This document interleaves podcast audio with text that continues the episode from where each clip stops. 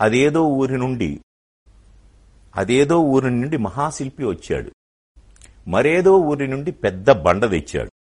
ఆరడుగులు కొలత పెట్టి బండను ఖండించాడు. మిగిలిన మూడడుగుల ముక్కను పక్కకు తోసేశాడు. ఆరడుగుల బండేమో విగ్రహమై వెలిసింది. మూడడుగుల ముక్క బండ చాకిరేవు చేరింది. కంపు కంపు మనసులన్నీ దేవుని ఎదుట నిలిచాయి.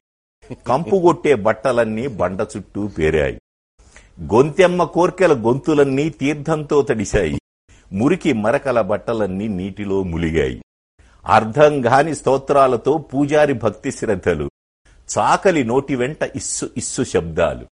శఠగోపం పవిత్రంగా ప్రతి తలను తాకుతోంది. పవిత్రతకై ప్రతి బట్ట బండను బాదుతోంది. కడకు గుడి నుండి మనసులన్నీ కంపుతోనే వెళ్ళాయి. రేవు నుండి బట్టలన్నీ ఇంపుగా వెళ్ళాయి. గుడిలోని దేవుడా రేవులోని బండ. ఎవరు దేవుడు ఎవరు బండ.